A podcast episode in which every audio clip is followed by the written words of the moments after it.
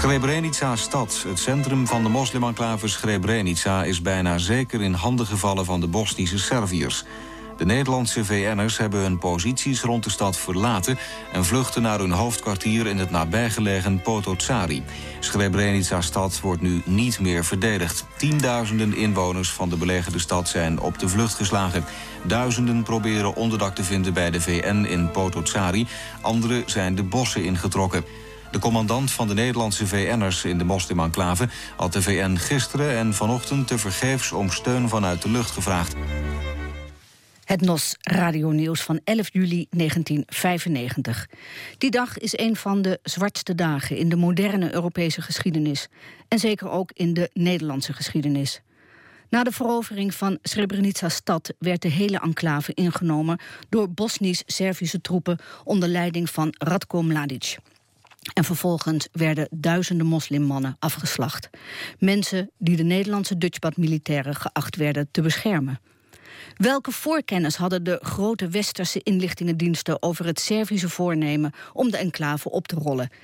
Dit is een van de sleutelvragen van het Srebrenica-drama... die ook 14 jaar na dato, ondanks een reeks van officiële onderzoeken... nog steeds niet zijn opgehelderd. Argos heeft zich de afgelopen jaren herhaaldelijk met deze vraag bezig gehouden. Vanuit de Verenigde Staten kwam er de afgelopen maanden nieuwe informatie over deze vraag. En wij legden die informatie voor aan Joris Voorhoeven, minister van Defensie, op het moment dat de Nederlandse blauwhelmen in de enclave machteloos moesten toezien hoe de troepen van Radko Mladic Srebrenica onder de voet liepen. The story is about a uh, war crimes defendant named Jovica Stanisic. Het verhaal gaat over iemand die door het Joegoslavië-tribunaal is aangeklaagd... wegens oorlogsmisdaden, Jovica Stanisic. Ten tijde van de oorlog in Bosnië in de jaren 90... was hij onder president Milosevic de chef van de Servische inlichtingendienst. The story is about how, while he is accused of very serious war crimes... he was also, during this period, a, uh, a close ally of the CIA... Deze Stanisic wordt beschuldigd van zeer ernstige oorlogsmisdaden. En in dezelfde periode was hij een belangrijke bondgenoot van de CIA. Dit roept natuurlijk een aantal vragen op. Eh, als de Verenigde Staten zo'n uitstekende bron hadden... Eh, hebben ze dan in mei en juni 1995 geweten... Eh, dat Belgrado en Palen de drie oostelijke enclaves zouden gaan innemen. En als het antwoord daarop ja is waarom heeft de Verenigde Staten dan Nederland niet van tevoren ingelicht van dat Servische voornemen? Want bondgenoot Nederland was via de Veiligheidsraad en via de Verenigde Naties zo goed geweest om blauwhelmen naar Srebrenica te zenden. Professor Joris Voorhoeven, voormalig politiek leider van de VVD en van 1994 tot 1998 in het eerste Paarse kabinet minister van Defensie. En daarvoor de Amerikaanse onderzoeksjournalist Greg Miller van de Los Angeles Times. We leggen een verhaal van Miller voor aan Voorhoeven. Miller heeft daar maandenlang aan gewerkt en het verscheen in maart jongstleden in de Los Angeles Times. Het is een verhaal over een eerste klas bron die de Amerikaanse inlichtingendienst, de CIA, had in het hart van het machtscentrum in Belgrado. Een bron die bij eerdere onderzoeken naar de inlichtingenpositie van de CIA tijdens de oorlog in Bosnië niet boven water is gekomen. Ook niet bij het grote onderzoek dat het NIOD, het Nederlands Instituut voor Oorlogsdocumentatie, deed naar het Srebrenica-drama. In dat 6000 pagina's stellende eindrapport concludeerde het NIOD... Het blijft natuurlijk speculeren... maar nu er evident bij geen van de betrokkenen voorkennis was...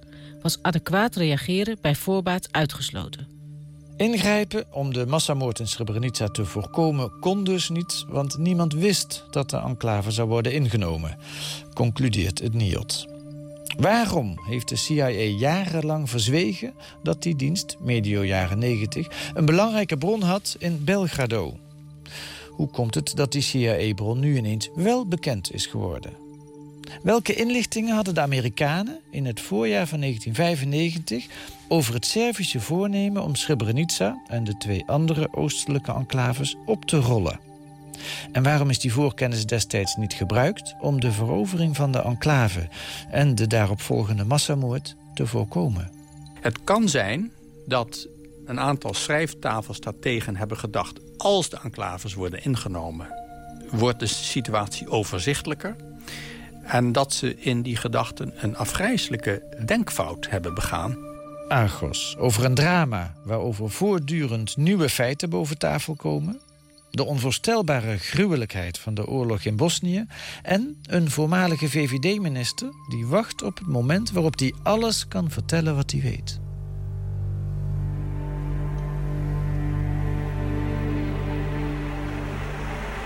Haydi yalla yalla.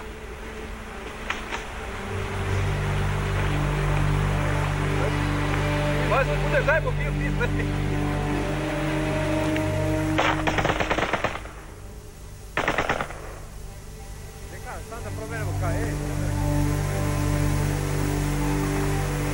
Meneer Voorhoeven, we zitten hier naar een uh, videoband te kijken. Wat maakt die bij u los? De onvoorstelbare afgrijzelijkheid van de misdaden die toen zijn begaan. En de werkelijk onvoorstelbare onmenselijkheid dat een aantal mensen dus heel duidelijk van plan zijn een aantal anderen te vermoorden... terwijl ze daarmee bezig zijn wat grapjes maken... en hen behandelen alsof het uh, helemaal geen andere wezens zijn.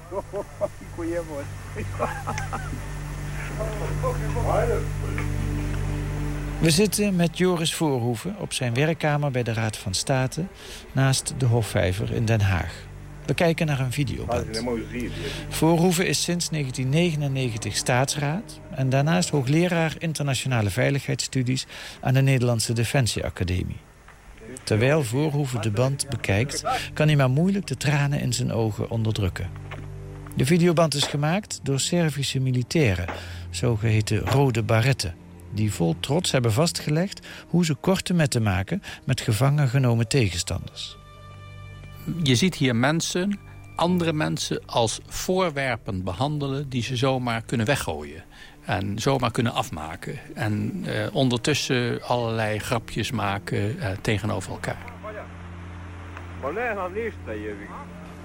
Op de video zijn zes mannen te zien die languit op hun buik op de grond liggen. Hun handen geboeid op de rug. Er staan vier gewapende militairen bij de mannen. En twee van hen hebben rode baretten op hun hoofd. De militairen praten, roken, maken grapjes en lachen. De geboeide mannen liggen doodstil op hun buik.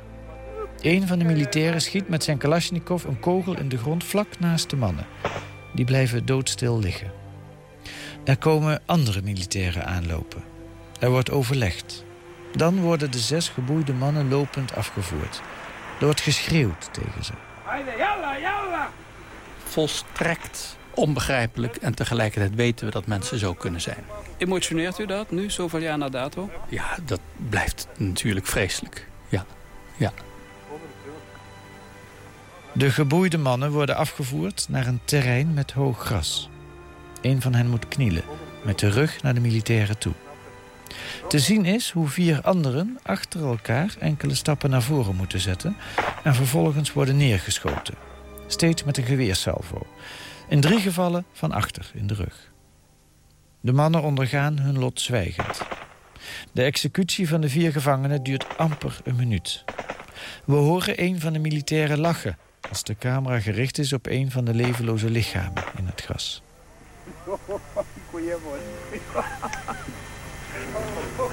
Een deel van deze beelden waren te zien op de televisie ook, enkele jaren geleden. Heeft u die toen ook gezien? Wat er destijds op de televisie is uitgezonden uh, was een beknopte versie. Die heb ik ook gezien. Die is ook in Servië uitgezonden. Heeft daar een schok veroorzaakt. U hebt mij nou de volledige opname laten zien... die uh, door Servische militairen zelf is gemaakt van hun misdaden. En daar keert je maag zich van om. Het beeld verspringt. We zien een gehavend wit gebouw. Daarbuiten militairen. Eén van hen wederom met een rode baret op. In het gebouw ligt een man op zijn buik. Hij wordt met drie gerichte schoten door de openstaande deur van het gebouwtje in zijn rug geschoten. Dan verspringt het beeld opnieuw. Er zijn tientallen mannen te zien die bezig zijn de lijken op te ruimen.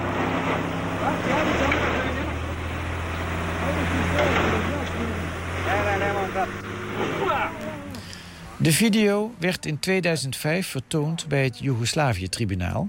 in een proces tegen de in maart 2006 overleden Servische oud-president Slobodan Milosevic. Het gaat om de executie van zes jonge moslimmannen uit Srebrenica in 1995. De mannen die deze executie uitvoeren zijn Servische paramilitairen, rode baretten. Hè. We zagen ook op die beelden, sommige van hen hebben ook letterlijk rode baretten op. En de oprichter van deze rode baretten en, en hun bevelhebber was Jovica Stanisic. Wie is dat? Hij is net in het nieuws verschenen. Uh, in een artikel in de Los Angeles Times... als een van de aangeklaagden door het Hof... dat hier in Den Haag de misdaden die begaan zijn in het voormalige Joegoslavië berecht. En Stanisic moet zich verantwoorden uh, wegens zeer ernstige uh, beschuldigingen...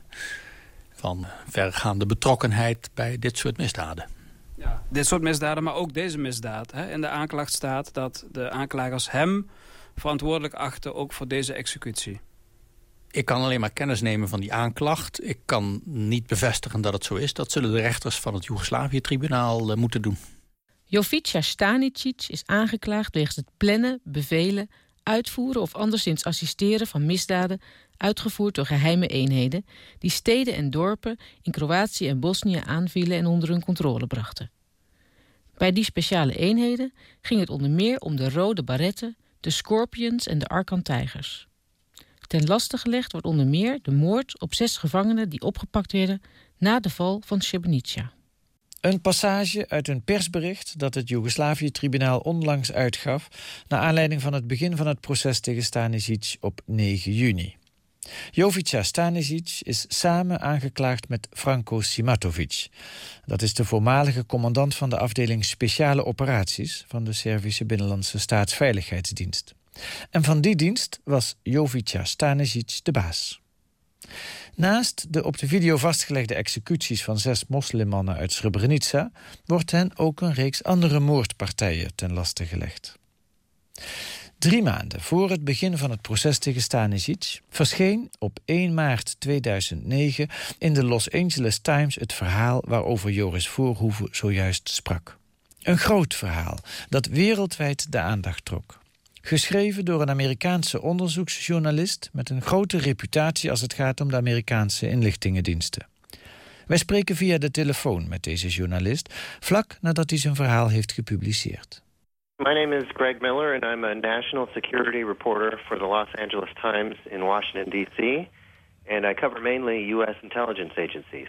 Mijn naam is Greg Miller. Ik werk in Washington, D.C. als verslaggever nationale veiligheidsvraagstukken voor de Los Angeles Times. Ik hou me vooral bezig met Amerikaanse inlichtingendiensten. The story is about Jovica Stanisic. While he is accused of very serious war crimes, he was also during this period a, uh, a close ally of the CIA. Het verhaal gaat over Jovica Stanisic. Hij is aangeklaagd wegens zeer ernstige oorlogsmisdaden. Tegelijkertijd is hij in dezelfde periode een belangrijke bondgenoot van de CIA geweest. And had a close relationship with the agency and uh, was um, providing a great deal of assistance to the agency at a time when the United States intelligence was really desperate for intelligence on Serbia and Bosnia. Hij onderhield een hechte relatie met de dienst en hielp de CIA in een periode waarin de Verenigde Staten wanhopig verlegen zat om inlichtingen over Servië en Bosnië. Volgens Greg Miller was de CIA met het uiteenvallen van Joegoslavië veel bestaande contacten in dat land ineens kwijtgeraakt.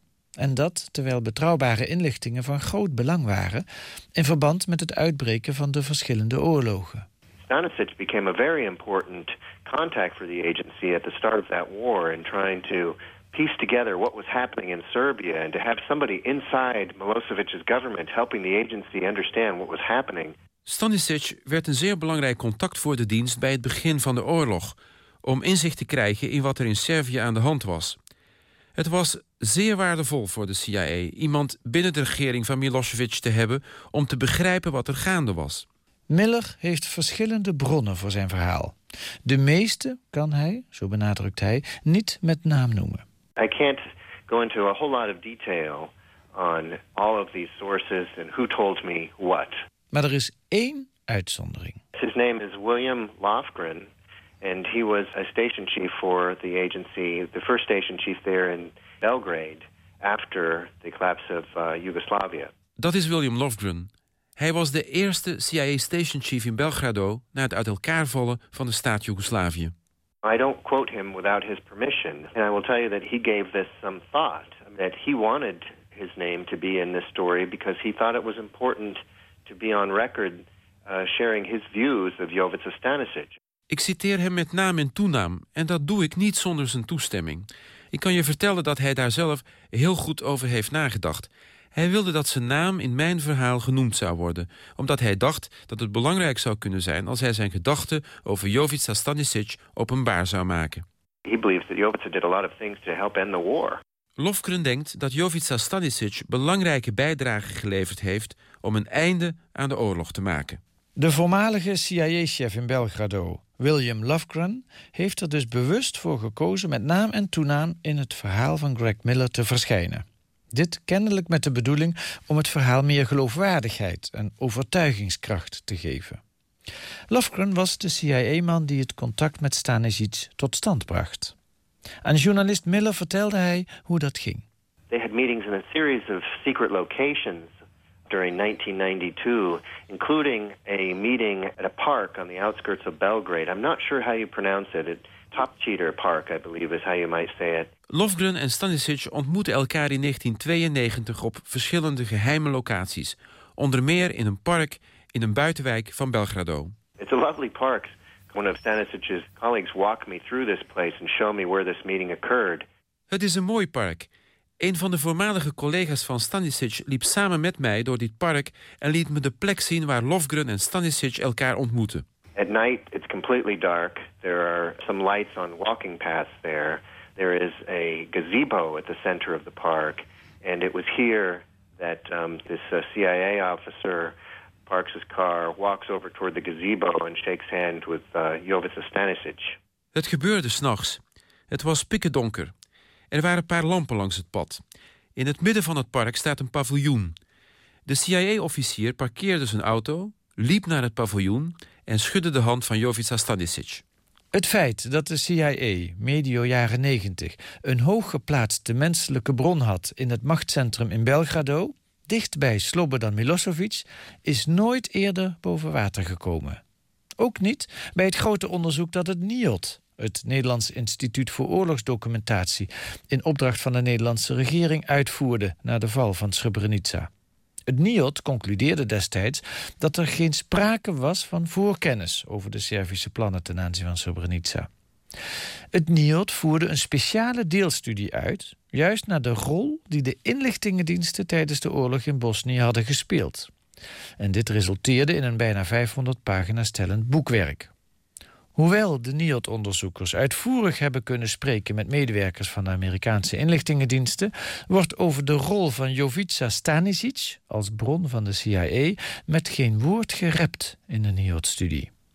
De Amerikaanse CIA-kenner Greg Miller is daar niet verbaasd over.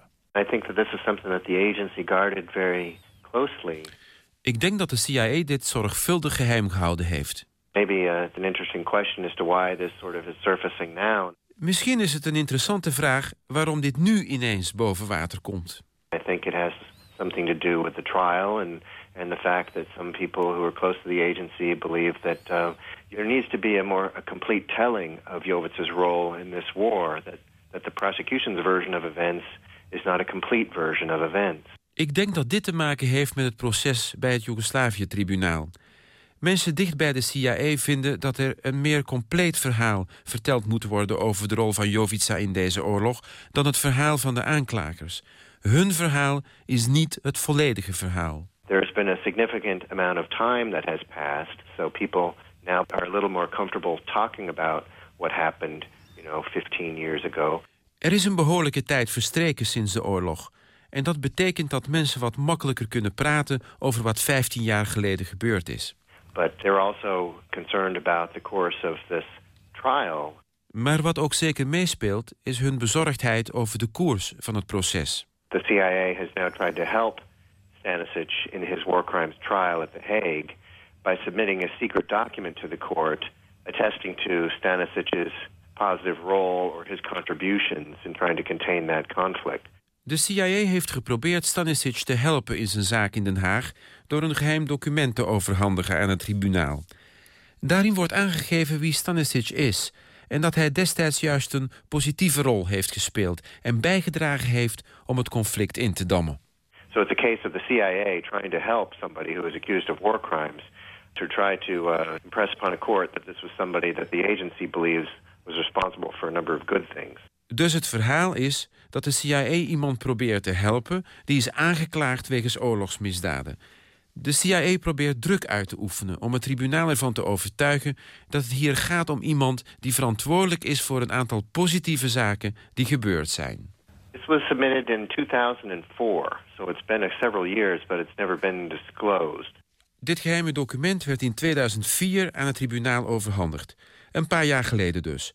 Maar het is nooit eerder bekend geworden. Hoe hoorde voormalig minister van Defensie Joris Voorhoeven... van het verhaal van de LA Times-journalist Greg Miller? Ik kreeg bericht van een aantal wetenschappelijke onderzoekers... van verschillende kanten die mij attendeerden op uh, dit bericht... Uh, dat uh, Stanisic, de beklaagde door het Joegoslavië-tribunaal... een zeer hooggeplaatste Servische bron zou zijn geweest... van inlichtingen voor de Verenigde Staten. Een bijzonder verhaal? Ja, dat is heel bijzonder, omdat het niet zomaar om een kleine medewerker ging... die inlichtingen aan Amerika doorgaf. Maar dus eh, iemand die heel precies wist wat er gebeurde...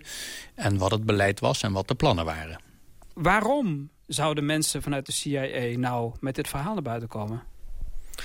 Ik heb begrepen dat Stanisic uh, als verdediging aanvoert bij het Joegoslavië-tribunaal dat hij ja, eigenlijk met de Amerikanen heeft meegewerkt. En dat dus niet zo'n hard oordeel over hem moet worden geveld. Dus misschien wordt op deze manier gepoogd wat strafvermindering te bewerkstelligen.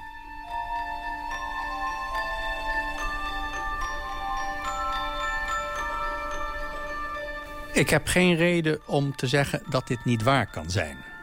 Ik kan het ook niet bevestigen, dat weet ik gewoon niet.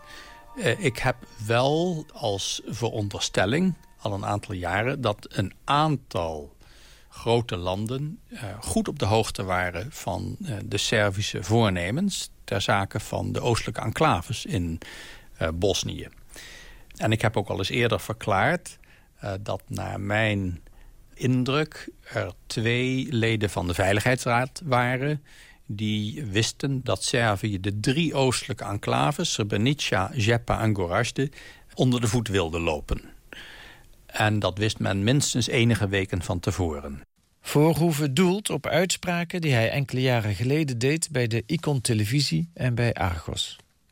Een aantal maanden na de val van Srebrenica gaf Voorhoeven als minister van Defensie aan de militaire inlichtingendienst de opdracht een rapport op te stellen over de inlichtingen die andere landen hadden gehad over het Servische voornemen Srebrenica aan te vallen.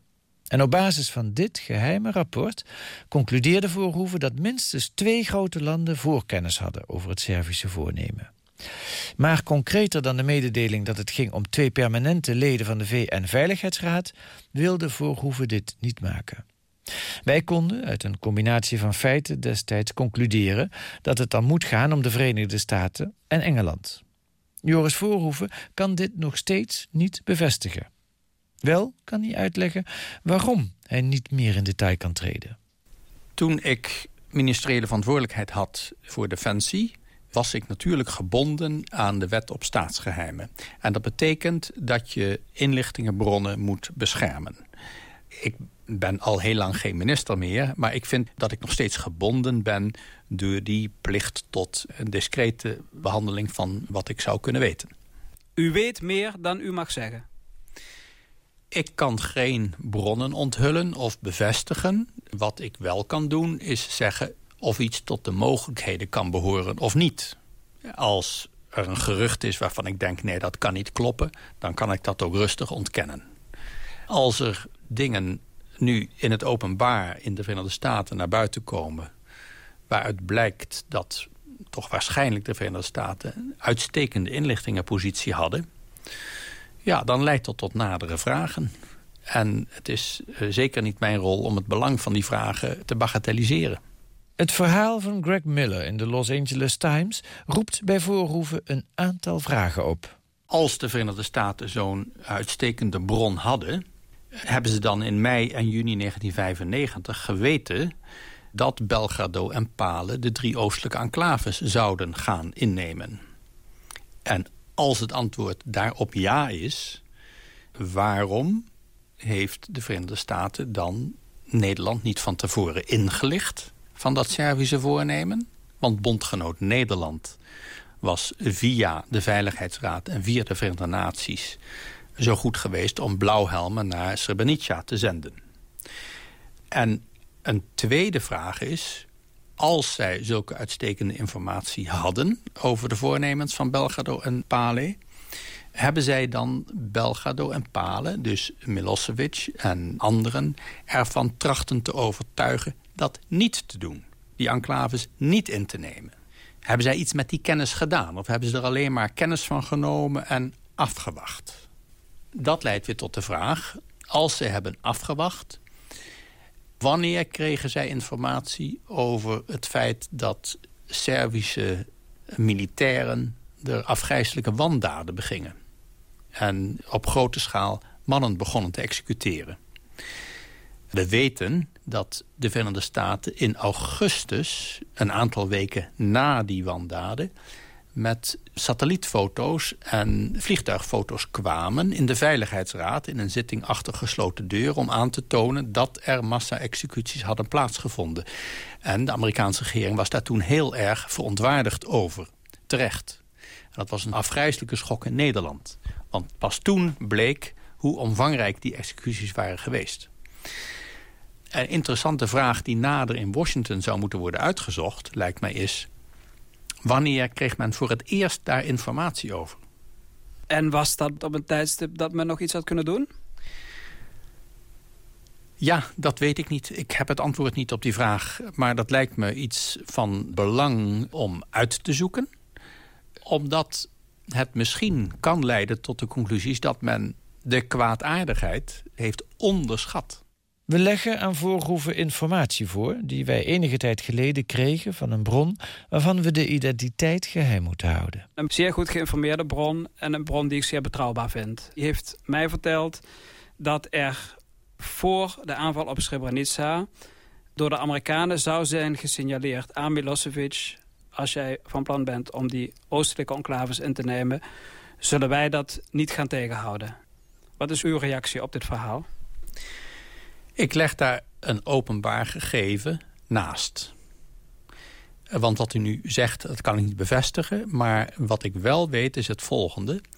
Dat al in april 1995, dat is dus een aantal maanden voor de Servische aanval op de oostelijke enclaves... in de Veiligheidsraad van de Verenigde Naties werd geopperd dat de VN-blauwhelmen, dus ook de Nederlandse blauwhelmen... beter zouden kunnen worden teruggetrokken uit de oostelijke enclaves. Dat leidt tot een veronderstelling. Namelijk dat een aantal leden van de Verenigde Naties... die oostelijke enclaves een enorme belemmering vonden. Een belemmering voor een vredesregeling omdat de kaart van Bosnië toen heel erg ingewikkeld was.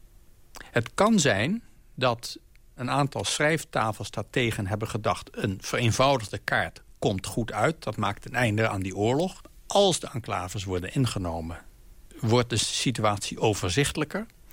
En dat ze in die gedachten een afgrijzelijke denkfout hebben begaan.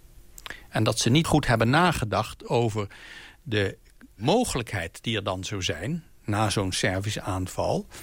dat de Servische overwinnaars op een afgrijzelijke manier... met delen van die bevolking zouden omgaan. Wat in feite is gebeurd. Maar u zegt, misschien zijn er schrijftafelstrategen geweest. Hè? En niet zomaar mensen, maar mensen die het ook voor het zeggen hadden... over wat er gebeurd is, die destijds gedacht hebben... laat die Serviërs die enclaves nou maar innemen. Dan zijn we die kwijt en dan kunnen we vervolgens tot een vredesregeling komen. Als dat de denkwijze is geweest... dan heeft men dus niet goed doorgedacht over de enorme risico's... van een dergelijke laissez-faire benadering. Haydi yalla yalla.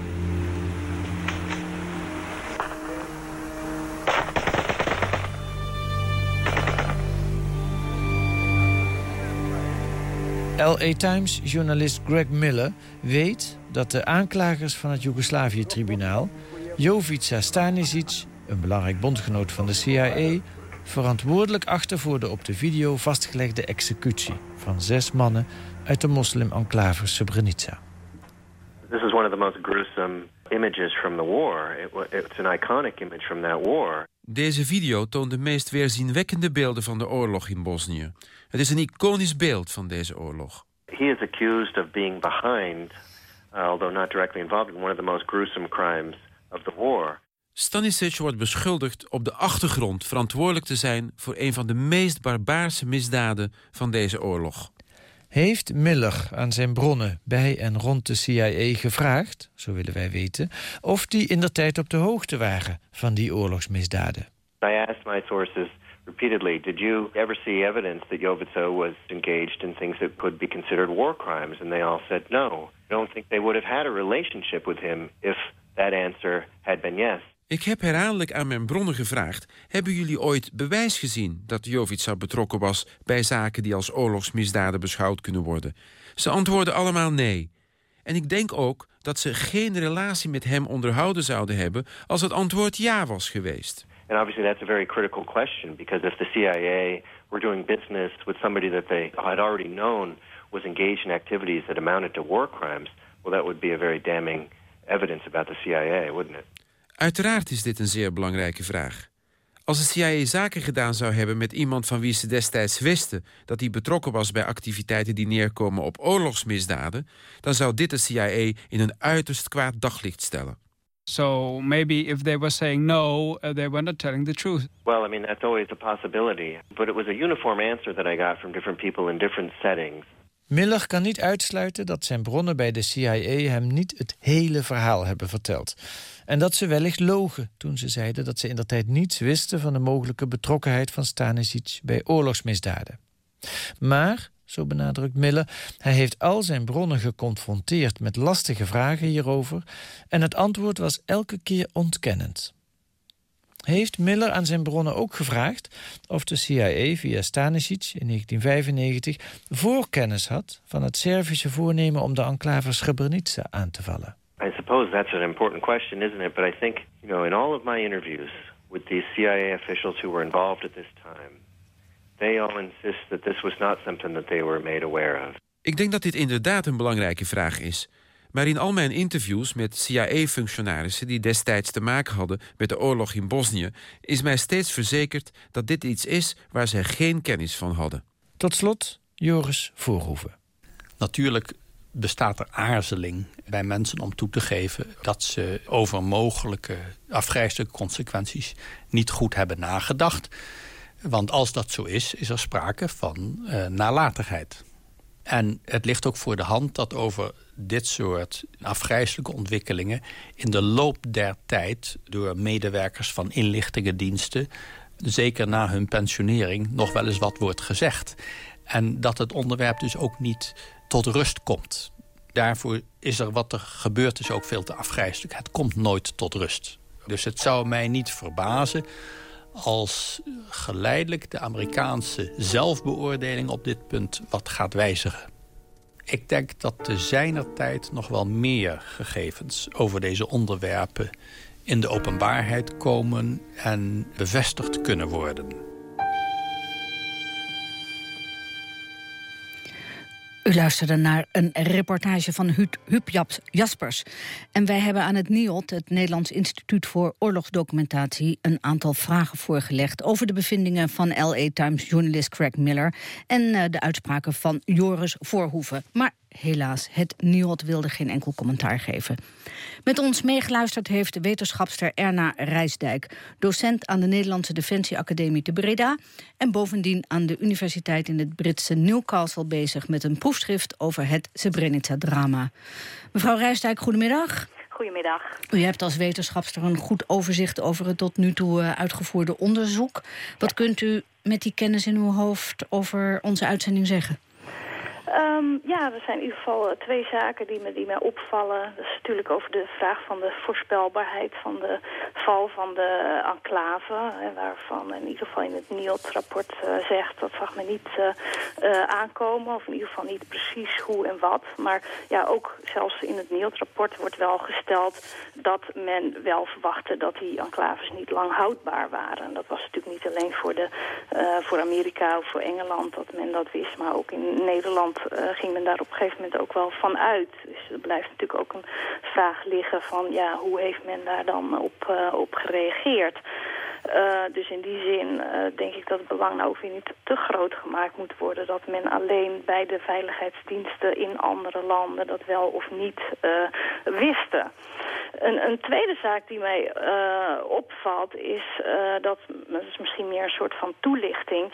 dat die terreuracties van, van Stanisic, dat dat niet zomaar losstaande incidenten waren. Dus die betrokkenheid van hem bij die executies van de, van de Scor Scorpions bijvoorbeeld vanaf het begin van de oorlog um, heeft hij dat soort methoden uh, ingezet om uh, delen van de bevolking, uh, met name moslims, te verdrijven. Hoe deed men dat? We gingen dorpen, steden binnen, ehm, kozen daar een aantal mensen uit, met het liefst elite, wat notabelen, en vermoorden die, mishandelden die, verkrachten die, branden moskeeën plat, allemaal om een sfeer van terreur te zaaien, zodat de rest van de bevolking makkelijk uh, verdreven uh, zou worden uit die, uit die gebieden. Mm -hmm. En mensen, veel mensen die in Srebrenica zaten, die waren ook afkomstig uit andere delen van Oost-Bosniërs. Die hadden al uh, kennis gemaakt met die methode van, van Stanisic, maar ook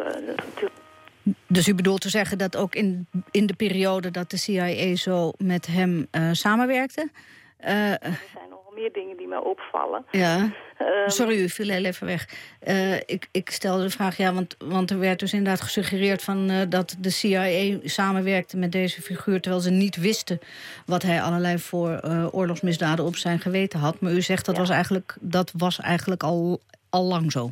Uh, nou, kijk, dat hij daarmee bezig Ik weet niet of men wist dat hij dat deed. Mm -hmm. dat, is, uh, dat is natuurlijk een vraag. Ja. Maar wat wel bekend was, is, was de methode die uh, toegepast werden... om daar, wat zij dan noemden, die etnische zuiveringen toe te passen. En ja, wat mij opvalt is, is dat men dan zegt natuurlijk... dat men ook Stanisic zag als iemand waar je zaken mee kan doen. En dat vind ik, en dat, dat er dus positieve kanten zaten aan, aan die Stanisic... Ja. En ik denk dat je dat alleen ook als positief kan benoemen... als er bepaalde parallellen zijn in jouw diplomatie... en de, en de doelen die Stanisic wil bereiken. En die parallellen die zijn uh, dat men... Um, van die enclaves, enclaves afbouwen wellicht. Uh, van de enclaves, maar ook ja. dat men een uh, oplossing langs etnische lijnen... voor het conflict in Bosnië zag. En nou wil Ja. ik zeker niet suggereren dat men dat in het Westen... via terreur of massamoord zou willen bereiken. Men had daarbij vreedzame middelen uh, in gedachten. Maar ja, of dat allemaal zo uh, realistisch was, dat is een, uh, een andere kwestie. Ja, nou hartelijk dank voor uw commentaar. straks om drie uur, ik zei het al aan het begin van de uitzending... is er een herdenkingsbijeenkomst op het plein voor de Tweede Kamer in Den Haag. Daar zal onder andere Jan Marinus Wiersma spreken, PvdA-Europarlementariër. Goedemiddag. Goedemiddag. even nog heel kort ter afsluiting. Wat zal uw boodschap vanmiddag zijn? Nou, zal zijn, op mijn boodschap, dat ik uh, uh, ook mede spreker namens het Europees Parlement uh, aandacht vraag voor de massamoord in Srebrenica 14 jaar geleden. en dat wij vinden dat in heel Europa aandacht moet zijn voor wat daar gebeurd is. dat het iets unieks, maar ook iets verschrikkelijks was wat in de nog in de negentiger jaren van de vorige eeuw gebeurde. Dat is eigenlijk de belangrijkste boodschap. En ook namens het Europees Parlement steun uitspreken aan de nabestaanden. En die nog steeds worstelen met wat er toen gebeurd is. En dat is eigenlijk mijn belangrijkste boodschap. Ja, de, de officiële herdenking vindt natuurlijk plaats in Bosnië, in, in, in Podgorica. En daar is ook altijd, ja, daar is onze, onze, onze regering bij aanwezig. Iemand, wie eigenlijk? de ambassadeur van Nederland in Bosnië. Oké, dat is de enige? Dat is de enige, ja. Oh ja. En, en wie is er vanmiddag op het plein? Nou, dat is uh, een heel debat over geweest, nog in de Tweede Kamer. En ja, de, de, stelling die de Tweede Kamer heeft betrokken en opvatting van de regering... is dat we op 4 mei al alle slachtoffers van oorlog herdenken. Ik denk dat het moeilijk uit te leggen is in dit geval, want er is toch een enorm onderscheid tussen de Tweede Wereldoorlog en wat er in, in de Balkanoorlog is gebeurd. Uh, en het, in de tweede plaats denk ik dat dat omdat deze herdenking ook elk jaar in Nederland plaatsvindt... veel nabestaanden van slachtoffers van uh, Srebrenica in Nederland wonen. Mhm. Dat het gepast zou zijn dat bij deze herdenking ook vertegenwoordigers van uh, de Tweede Kamer van de regering aanwezig zou zijn. Maar goed, de, reg, de, de, regering houdt er een andere redenering op na... die ik ja. zelf niet helemaal kan volgen, eerlijk gezegd. Nou goed, hartelijk dank voor toelichting en een, een, een, mooie bijeenkomst daar vanmiddag, zullen we maar zeggen. En dit was Argos. Wilt u nog eens luisteren, ga dan naar onze website www.vpro.nl slash Argos. Daar kunt u ook uw reacties kwijt. Een prettige middag nog.